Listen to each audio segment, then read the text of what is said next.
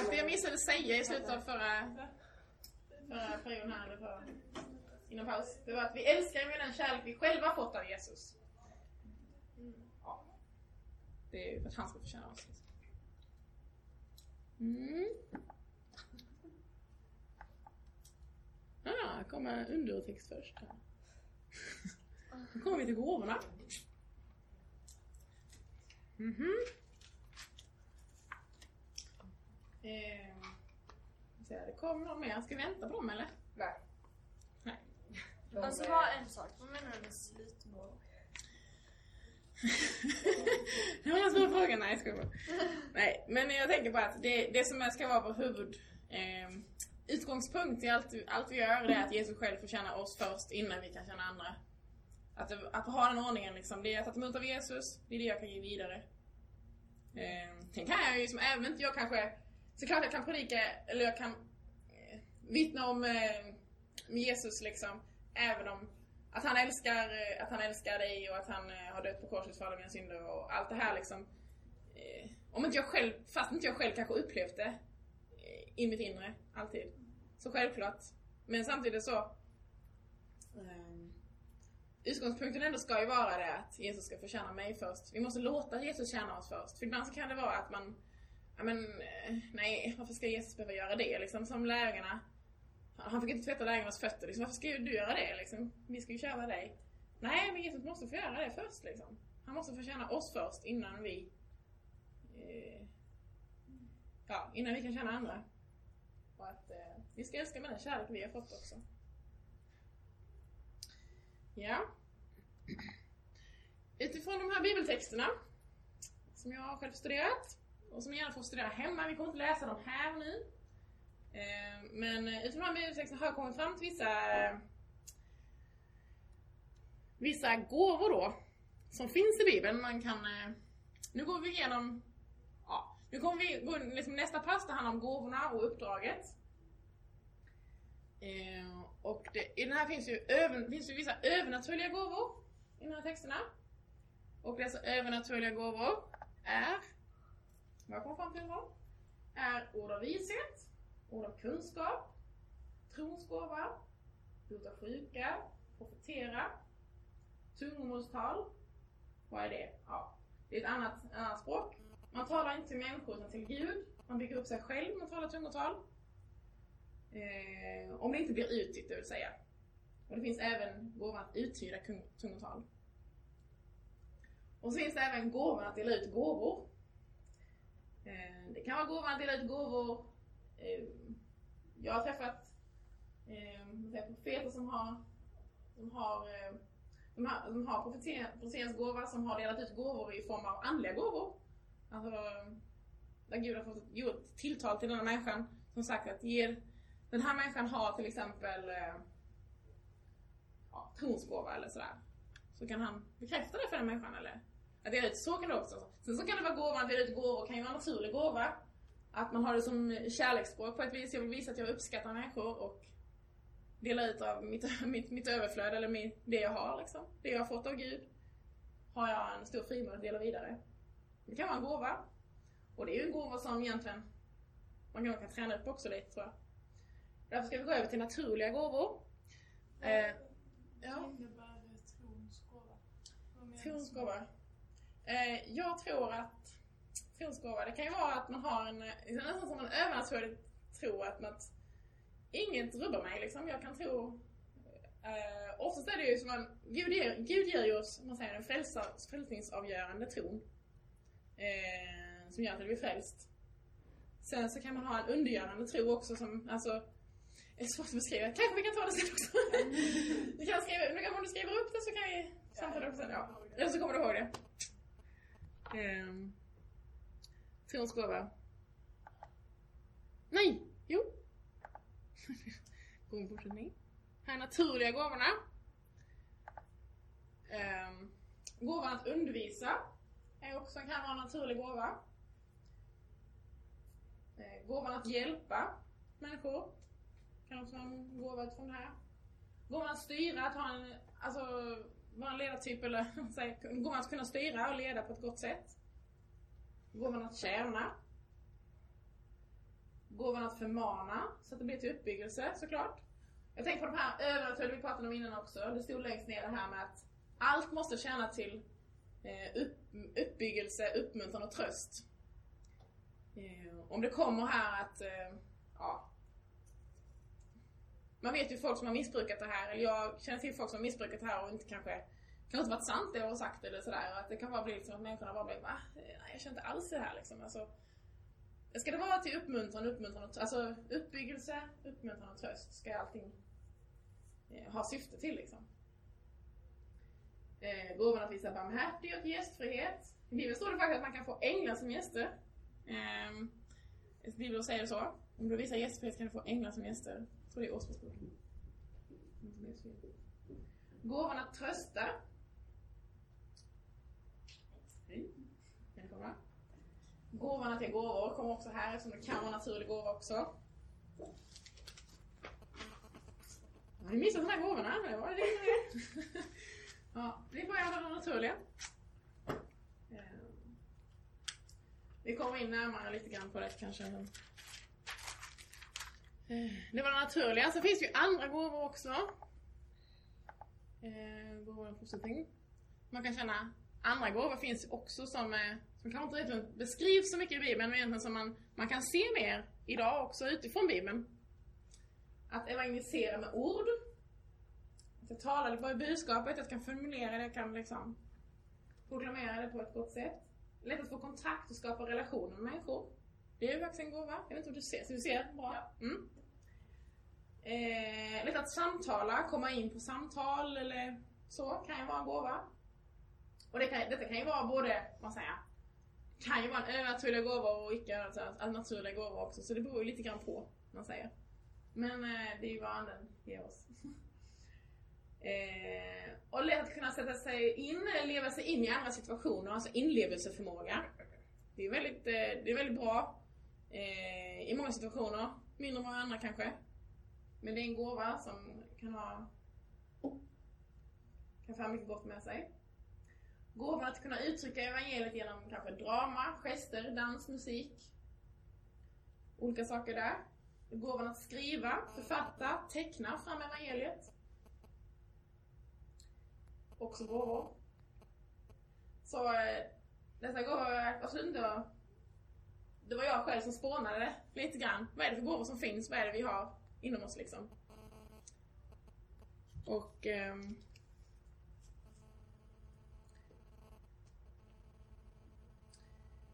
och sen så, man säger, den gåvan som är den största av alla, som Bibeln säger, första Korinthierbrevet 13. Sök den allra största gåvan, de andra också, men sök den, den allra största gåvan, det är kärlekens gåva. Att kunna älska som Jesus älskade. Det är, en, det är den största gåvan vi kan få. Som övergår alla andra gåvor. Att kunna älska sina fiender. Och det är egentligen en övernaturlig gåva om något egentligen.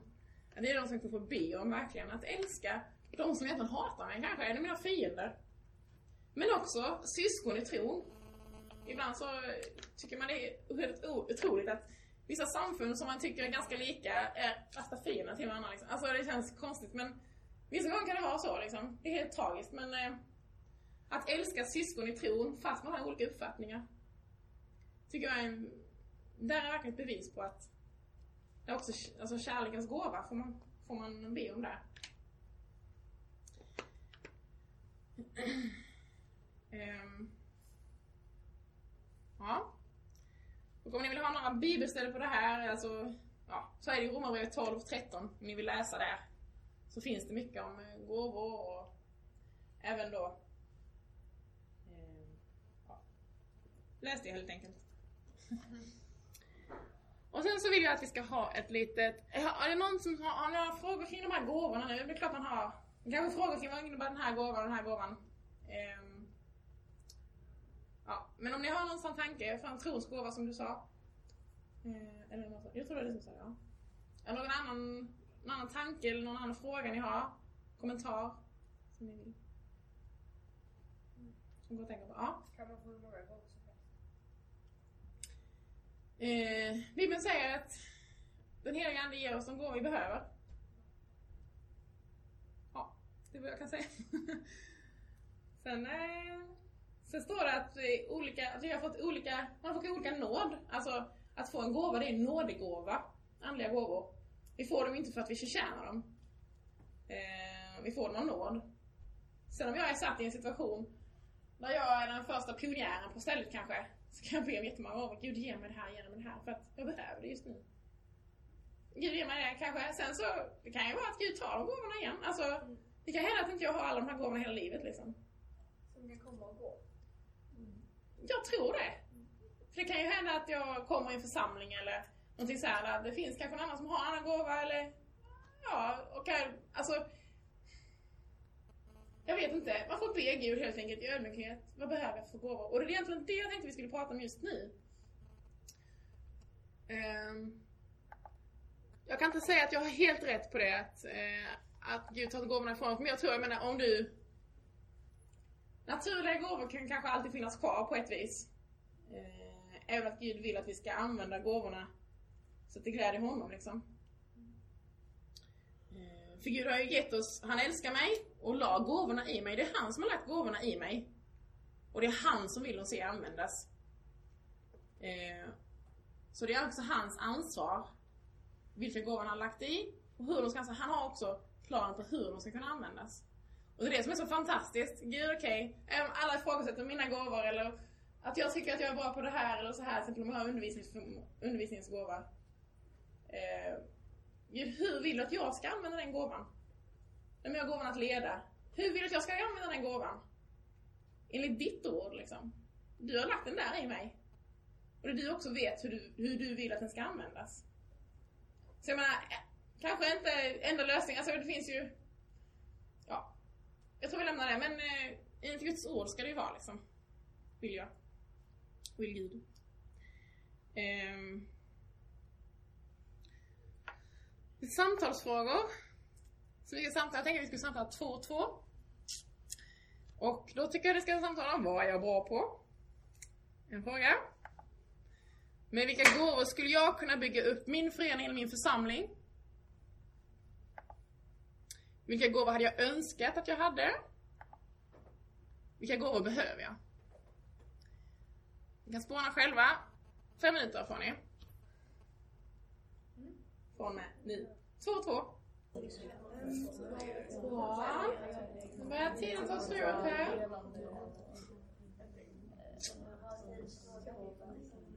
Ska vi se.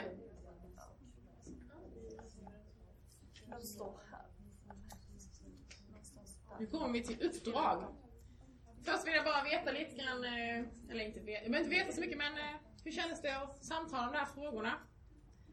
Har någon kommentar? Någon som vill kommentera något? Någon som, så här. För jag kommer inte fråga bara vad har du för frågor? Alltså vad har du för frågor? Utan det är mer för ens egen reflektion tror jag. En sån här sak. Att man börjar själv tänka till. Hmm, vad, är det som, vad, vad har min församling behov av? Vad skulle jag behöva? Hur kan jag komplettera dem i min församling? Ehm, eller förening eller hur man har det. Jag, jag har inte funderat så mycket över det. Nej. Så att det, ja. Därför är det ganska nyttigt liksom. Att tänka efter. Ehm, vad skulle jag behöva? Och sen så får man ju be över det här liksom. Jag tror att jag skulle behöva den här frågan, den här gåvan. För i vår församling verkar det fattas det här till exempel. Men hur ska man, eh, hur ska man tänka? Ska man så att eh, jag själv har lite svårt med det här. Eh, så därför skulle jag behöva den här gåvan. Ska man tänka församlingen har svårt med det här. Så därför skulle jag behöva den här gåvan så att jag kan stödja församlingen. Eller eh, Man kan- vad, ska man, vad ska man utgå från när man liksom Och så, framför sitt jo. önskemål? Liksom. Ja, precis. Jo men jag tänker, jag tänker så här. Om du ser att det finns ett behov i en församling till exempel. Att församlingen skulle behöva det här. Gud, om du vill ge mig den här gåvan. Så ber jag om det. Men om du ser någon annan, herre, alltså börja i bön. Börja söka honom. Gud, du ser att det behövs det här i den här församlingen. Jag ber att du ska sända någon. Om det, är, om det är jag som ska få den här gåvan, så ge mig den. Om det är någon annan, ge den till någon annan liksom. Eh, för att bygga upp församlingen. Allt ska känna till uppbyggelse liksom. Så det är inte alltid bara, det är inte alltid, även om vi ser behoven i en församling, så kanske inte alltid jag som ska ha de här gåvorna liksom. Det behöver inte vara alls så. Men eh, vilka gåvor vill du Gud att jag ska ha? Och kanske i mitt, jag menar, jag kanske har en bönegrupp eller jag har kanske en ungdomsgrupp. Eh, som behöver det här och jag känner att jag är bra på det här. Gud, led du så att jag får användning av den här gåvan om det är din vilja. Eh, ja, på olika sätt liksom. Man kan man... Så. Tror jag. Gött att diskutera för man diskuterar ofta brister eller med sig själv då. Mm. Och tänker nog inte på så mycket att, att gåvor är så många fler. De, alltså, man har så många fler gåvor än man egentligen Ja, förstått. precis. Det är kanske det som man eh, bör tänka på mer och... Det, Precis, det, det är lätt att hamna i det här kan jag inte, inte det här heller. det Nej, precis. Och det är inte där man ska, det är inte det man ska fokusera på liksom. Man kan säga klart man kan önska sig gåvor, man kan önska sig att jag hade detta och detta men kanske inte Gud ger det till mig liksom. Jag är usel på att undervisa, jag är usel på att leda. Mm. Kanske inte Gud ger en gåva till dig då. alltså det kan ju vara så faktiskt. Um, Men det kan ju vara samma sak att, ja, som sagt. Vilka uppdrag står öppna för mig? Ska vi prata om lite grann. Nu har vi en kvart kvar här. Och ska vi utgå från, vad finns det för kvinnor i Bibeln som gör skillnad? Vad finns det för kvinnor i Bibeln som har gjort skillnad i sin omgivning? Vi kan gå igenom Debora. Vet du vilken hon var? Hon var domare i Israel. Hon var Israels moder, står det. Eh, det fanns inga andra domare och då uppstod Debora, som eh, hon säger sig själv vara en som en moder i Israel. Och hon var ju ledare för Israel, hon var ju den som dömde och som, eh, som ledde Israel framåt i den tiden som var svår tid. Står, Acceptera ja, det. står det, står det hur männen reagerade? Nej, hon hade en man vid sin sida som stöttade och hjälpte henne. Står det. Så det kanske var att då kanske mannen också accepterade liksom. som- Man vet inte. Jag accepterar att okej, hon är liksom, hon är insatt av Gud. Mm. Och då accepterar man det. Jag vet inte, det står inget om det. Sen har vi en annan kvinna, Maria, som är Guds moder. Det är faktiskt, eh, i Peru så är det ju, i lever ett katolskt land. Maria är ju, ja, hon är väl nästan frälsarinnan där. Men eh, man säger också att hon är Guds moder, så betonar man mer i katolska kyrkan än vi gör egentligen. Hon födde ju Jesus med Gud själv. Det gjorde hon ju faktiskt. Och hon fick ju världens största uppdrag att vara mor till Jesus. Hon fick fram- föra fram Jesus i denna världen. Och det som är intressant i henne där, när man följer hennes kallelse, hur hon blev kallad till detta uppdrag. Det var att hon valde faktiskt att säga ja till kallelsen. Eh, jag är din tjänarinna, låt det ske med mig som du har sagt. Säger hon ju till ängeln. Hon fick själv också ta ställning till det här. Hon kunde ju sagt nej, absolut inte. Hon kunde ju sagt nej ju. Kanske Gud var någon annan. Men eh, hon, fick ju, hon fick ju säga ja, hon fick ta ställning. Och det kan man ju faktiskt lära, det kan vi också lära någonting av. Att Gud, Gud kallade inte henne utan hennes vilja var med. Alltså Gud kallar inte mig till någonting jag absolut inte vill. Överhuvudtaget inte vill. Eller, ja, man kan säga på Jona i och för sig i Bibeln, han vill ju absolut inte gå till Nineve och predika och omvändelse och sådär. Men eh, Gud kallar honom till, det för, att, för att utveckla honom på något vis.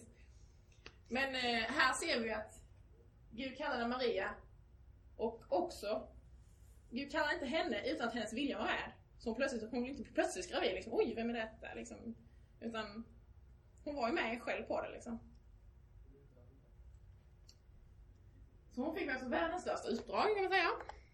Sen har vi Hanna, som är profetissa i templet under Jesu tid. När Jesus bärs fram i templet av Maria och Josef så är Hanna där som profetissa och hon berättade för folket i templet om den kommande Messias. Berättade om frälsningen. Eh, Jerusalems frälsning heter det. I Lukas 2 står det. Sen har vi kvinnorna vid graven. Och de är ju faktiskt, alltså de är ju evangelister. Gud valde att föra, föra eh, först föra ut det mest förvandlande budskap i världen. Genom sina kvinnliga lärjungar. Kan man se. Sen finns det kvinnor som tjänade i församlingen. Läser vi i eh, Romarbrevet 16 kan vi se. Där finns Febe med, Maria, Sofia Tuhusa lite grann. Som namn som finns i Bibeln. Ehm, och där står att de tjänade församlingen och det var inte så att eh, Alltså Paulus han uppmanar verkligen, hjälp dem för de har tjänat mycket i Herren, arbetat mycket i Herren står det. Så det var inga... Vad sa du? Det står inte vad. Nej, det står inte det. Sen har vi Priscilla. Hon, eh, hon var Paulus medarbetare enligt Romarbrevet 16. Hon verkade ha en betydande roll i, eh, i det här sammanhanget. Hon står oftast nämnd före sin man. Vilket är väldigt ovanligt i den här kulturen för att eh, och vilket betyder, kanske kan då tolkas som att hon har en betydande eller någon slags ledande roll eller betydande roll eh, i, i sammanhanget hon är med i. Sen har vi, ska vi se, sen har vi Paulus mor. Det står faktiskt i Romarbrevet 16 att, eh, det står först, eh, det står i Romarbrevet 16 och 13 där att eh, hennes son, eh, hennes, alltså Paulus mor då, hennes son omnämns som namn och hälsar särskilt hans mor som är också en mor som för mig. Eh, och då kan man ju se eh, Paulus mor och Jesu, det står också omnämnt om Jesu familj när Jesus, när Jesu mor och hans bröder kommer och hälsar på eller ska besöker Jesus eller kallar Jesus och säger han Vem är min mor och mina bröder? Eh, den som gör min himmelske faders vilja. Den människan är min mor, min syster och min bror. Så det finns alltså i Guds familj finns det mödrar, fäder, finns systrar och bröder. Och där skulle man kunna gå in på, man kan tänka så här, en mor i en församling. Det finns många mödrar i en församling. Men att ett speciellt uppdrag som en mor i en församling. Man kan säga, vad, betyder en mamma i en familj? Pappa betyder säkert jättemycket också, absolut. Men idag pratar vi om kvinnorna. så vad kan man tänka sig att en mor betyder i en familj? Det kan uttryckas som modern är hemmets hjärta i vissa fall. Eh, och vad gör hon? Hon vårdar sina barn, hon ger mat, hon oroar sig för sina barn. En kristen mor ber för sina barn, vägleder, tillrättavisar, undervisar. Gud själv jämförs med en moder i Bibeln, många gånger. Och då tänker jag, varför, tar vi, varför, varför ska man ta fadersrollen i en församling? När vi, när vi, vi som är mödrar och systrar har så otroligt viktiga betydelser. Vi är så viktiga. Och eh, man kan ju säga att, tänk på det underbara ändå att vi är olika som man och kvinna. Det är ju jätteviktigt tycker jag. Gud har skapat oss olika, så varför ska vi försöka bli som män? Eller varför ska vi bli som, som männen som han har, om han har skapat oss till kvinnor liksom? Eh, eftersom han skapar oss olika så kan vi också tjäna Gud på olika sätt. Som jag, min tanke är att man är som prästens utsträckta arm eller något liknande, den stilen liksom. Som mor kan man vägleda andra kvinnor i församlingen eller barn och ungdomar på olika sätt. Andra män som Priscilla till exempel, hon fick också, hon har eh, tillsammans med sin barn fick hon undervisa Apollos eh, djupare in i tron. Och det var en personligt, personlig undervisning. Det var inte någon, ja, ta det sen. Eh, sen har vi, ska vi se, uppdrag fortsättning. Sen tänker jag uppdragsområden som jag skulle kunna eh, nämna. Är, eh, är inom diakonin till exempel. Vet du vad diakoni är? Vad är det? Mm. Kan man säga. Man kan ha, man kan ha en själavårdande uppgift som diakon, ja det kan man. Mm. Absolut, men det är sant. Ehm, ja. Det var lite som du sa, händer. Ja, precis som prästens utsträckta arm liksom. Det kan ju vara en diakon är som en moder, man har anställd moder i församlingen kan man säga. Ehm, Är det alltid tjejer? nej, det behöver det inte vara. Det kan vara män också. En diakon, en diakoni kan ju vara att man tjänar det troende, framförallt är det egentligen en församling. Man tjänar det troende eh, och det utsatta och ensamma, utsatta och ensamma i en församling eller även utanför, klart kan det vara. Genom samtal, bibelstudium, ha andakter med dem, de som inte kan komma till kyrkan eller göra hembesök. Alltså, sen kan det ju vara, det kan innehålla mycket uppgifter. Man kan som diakon bli tilldelad också om själavård och evangelisation och man kan eh, eh, ja, och även undervisa konfirmander eller barn eller ja. Det kan vara jättemycket liksom. Men det kanske är som framförallt man tänker på diakoni, det är väl det här med tjänandet. Sen som sagt, man kan vara också bara själavårdare. Många människor har som sagt en själavårdsuppgift, men man kan också bara vara själavårdare. Och själavårdare är att leda människor till vår store läkare, Jesus själv, genom då samtal och vägledning. Kanske då, som vi har gick igenom här med, hjälpa människor i sina sår, i sina synder, kan att liksom, för att bli befriade. För att kan vara fri till att tjäna Herren. Evangelisation, genom vittnesbörd och förkunnelse utanför kyrkans offentliga sammanhang. Menar jag med evangelisation då. Undervisning. Eh, jag tror man kan undervisa i det kristna livet. Man kan undervisa alltså, hur vi ska leva som kristna, hur vi ska, vi ska stötta och hjälpa varandra också i att, att leva som kristna och så. Och även undervisa i själavård. Eh, alltså, man kan ju ha, som jag har haft nu till exempel, alltså visa att det här är viktigt att ta fram sina sår, visa dem liksom eh, hur man, ja, alltså undervisa i själavård kan man ju säga. Jag vet inte hur jag ska förklara. Jag tänkte säga här. Sen så tror jag att man genom undervisning också, eh, att vara lärare för kvinnor, för barn, för ungdomar. Eh, I många andra länder faktiskt finns det, framförallt i USA, som har stora kvinnobibelstudier, har kvinn, stora kvinnomöten.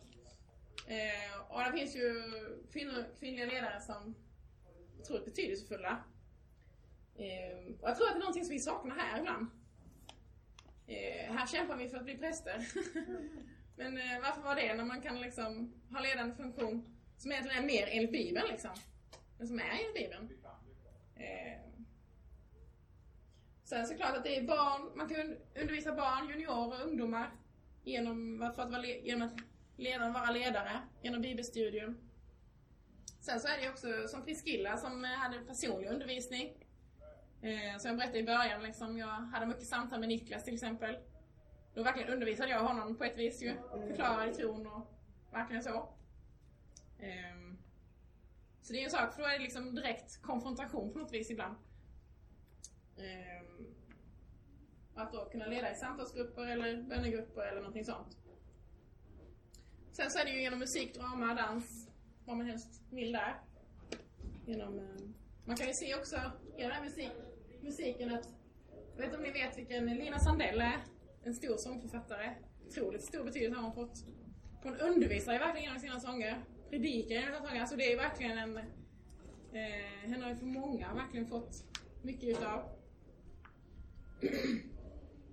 Och man kan ju säga att Gud har lagt ner i dig så många, gånger, så många gåvor som han vill se användas. Och som jag sa också, han vet ju hur han vill att de ska användas. Enligt Bibeln. Gud vill att, Gud har kanske lagt dig en ledande gåva. Att kunna leda, att kunna undervisa, att kunna, man kan säga det här att, att kunna leda andra människor till tro liksom. Eh, och Gud vet precis hur han vill använda den gåvan i dig.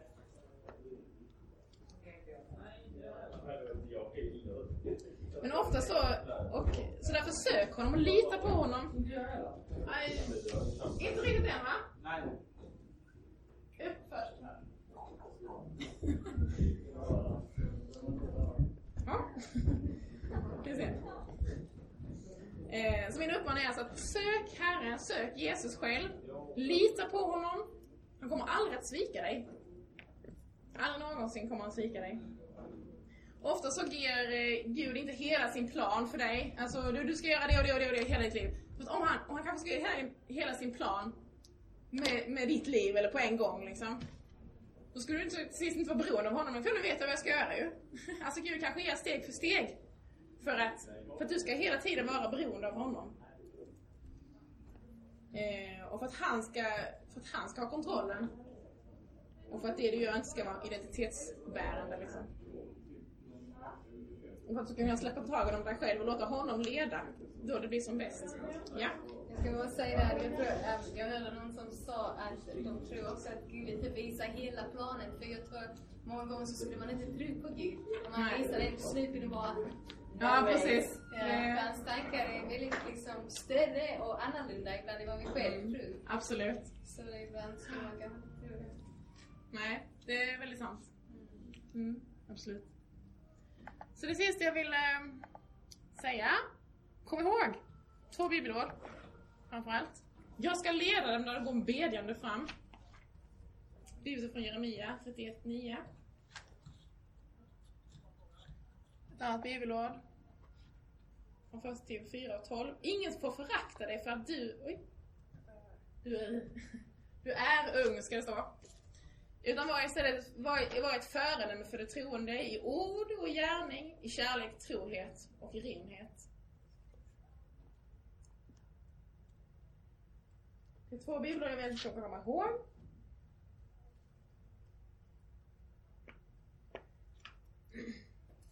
Två minuter kvar. Ehm, det vi inte har gått igenom idag, kanske att det det jag tänker ge er i handen. Eh, det är sånt som eh, vi inte kan gå igenom liksom här egentligen. Eh, är just, vad är just mitt bidrag, eller vad är just mitt uppdrag? Alla kan få en liten lapp. Jag tänker också där, det finns en kallelse att vara mor. Det måste jag, alltså det vill jag också poängtera, även ni unga ni inte vet kanske hur det är att ha barn. Och det finns vissa mammor som tänker, åh, jag har fem barn, hur ska jag kunna tjäna i Guds rike? Men fatta vilken, vilken uppgift du har som mor! Du kanske har fem, fem, fem unga som kan bli nya missionärer liksom. Varför inte liksom satsa på dem? Alltså det är ju helt otroligt liksom vilket uppdrag. Även om man kan inte se det direkt. Och det är kämpande, kämpande liksom. Så är det, vilket stort uppdrag vi kan få som mödrar liksom. Jag menar, tänk, alla människor på hela jorden är uppvuxna i ett, inte alla är uppvuxna i ett hem, men tänk så viktigt ett hem är för, för, för ett barn, för att växa upp, att man får vara trygg. Och att eh, där skapas både självbild och självförtroende, allt liksom, självkänslan byggs ju upp där liksom. Grundtryggheten och... En mor betyder jättemycket ett hem. Och en far för den delen också såklart. Men, eh, ja. Eh, Hon får ju evangelisera för sina barn också. Ja, precis. Undervisa och evangelisera för sina barn, självklart. Det... Så det, det vill jag... Eh, kan bara läsa igenom det här. Det är klockan fem här. Ska ni ha smågrupper. Men jag vill att vi ska läsa igenom det här. Vad är just mitt uppdrag? Hur lyssnar jag in Guds röst? Eh, man kan säga så här, här finns det några punkter här. Uppdraget är i enlighet med Guds ord. Vi har ju alltid veta. Den heliga ande, som jag förkortar DH, är förnuftig. Alltså han tänker förnuftigt, han gör, han... Ja. Jag vet inte om ni har, vi kan bara läsa igenom så om ni har någon fråga eller tanke som ni inte förstår, så får ni säga till. Den heliga andes röst leder till djupare frid. Den heliga ande kommer ej med överkrav. Han sätter inte kallelseribban här uppe och du bara Åh, måste kämpa mig upp till detta, utan han... Det är liksom så att du klarar det. Den helige Andes röst är konkret och praktisk. Den helige Ande talar genom sin kyrka, alltså genom dina bröder och systrar i tron. För deras råd och deras bedömning också.